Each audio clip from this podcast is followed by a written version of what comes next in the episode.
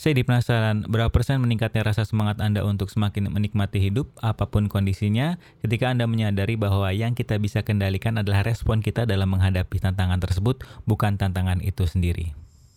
Become a vision holder, not just a problem solver, with berkembangbersama.com.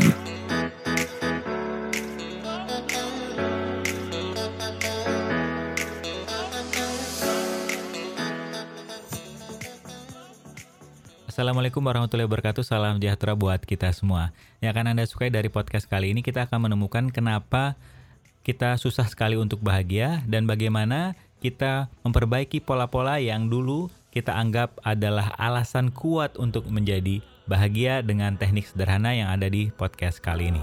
Nah, saya penasaran seberapa semangat Anda untuk tetap hadir sampai akhir. So, stay tune.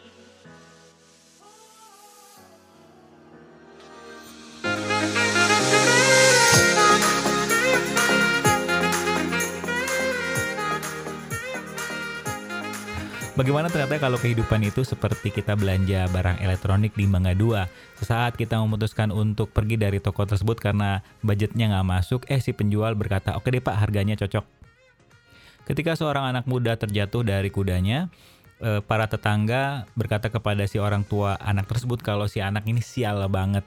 Baru beli kuda, baru belajar naik kuda langsung jatuh dan kakinya patah. Si bapak kemudian berkata, ah masa iya sih anak saya uh, sial. Tidak berapa lama dari kejadian tersebut, pemerintah setempat meminta para anak muda untuk ikut berperang. Semua berangkat kecuali si anak tersebut yang sedang masa penyembuhan. Berapa orang di luar sana mempunyai pola untuk bahagia ketika titik-titik, maka saya titik-titik. Ketika saya mempunyai mobil, maka saya bahagia.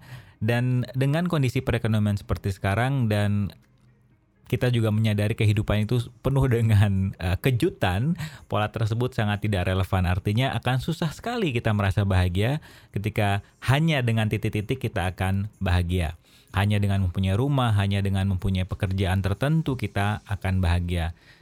Seperti yang kita sudah pahami bersama, Albert Einstein mengatakan bahwa orang gila itu adalah melakukan hal yang sama, berharap hasil beda. Kalau dari dulu kita mempunyai pola titik-titik, maka kita titik-titik dan tidak kunjung bahagia, Anda bisa pertimbangkan tips di bawah ini agar kita bisa bahagia apa pun kondisinya. Yang pertama adalah pertimbangan kalau dunia itu bersahabat. Dia tidak memberikan apa yang kita mau, tapi dia selalu menyediakan apa yang kita butuhkan. Teman saya mengikuti sebuah tender dan mempersiapkan e, proses tersebut dengan semaksimal mungkin. Namun sayang dia masih gagal. Eh tidak berapa lama kemudian dengan perubahan harga dolar, dia menyadari kalau saja dia mengambil proyek tersebut, dia mempunyai hutang yang sangat besar. Yang kedua adalah fokus kepada proses bukan hasil akhir.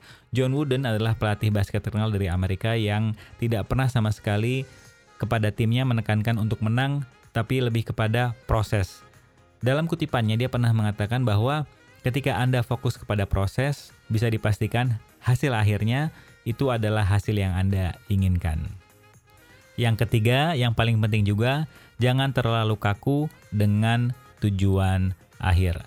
Seperti yang kita sudah pahami bersama di poin pertama dan kedua, ketika kita eh, bahagia dan hanya bahagia ketika kita bisa punya mobil, punya tabungan, punya eh, project, itu bisa jadi kita akan susah mengalami suatu atau merasakan suatu rasa bahagia karena kehidupan itu dia tidak memberikan apa yang kita mau tapi lebih kepada yang kita butuhkan dan yang kedua adalah bisa jadi yang paling penting itu proses bukan tujuan akhir.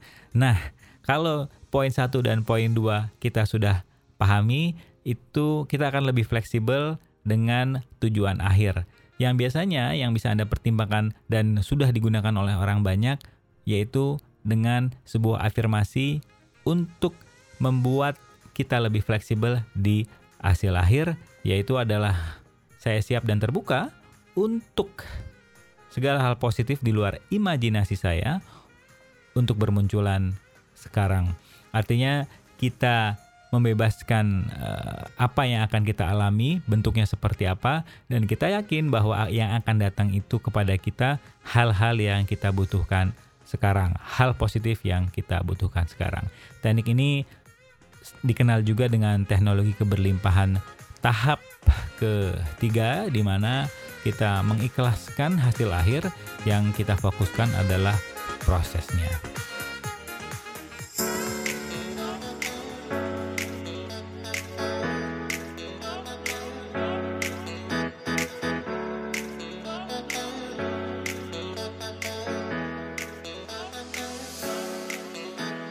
Mungkin Anda semakin menyadari bahwa ketika kita fokus kepada sebuah proses kemudian mengikhlaskannya, kita akan semakin menyadari bahwa keberlimpahan itu sudah ada di sekitar kita, menunggu fokus kita untuk memunculkannya dalam diri kita.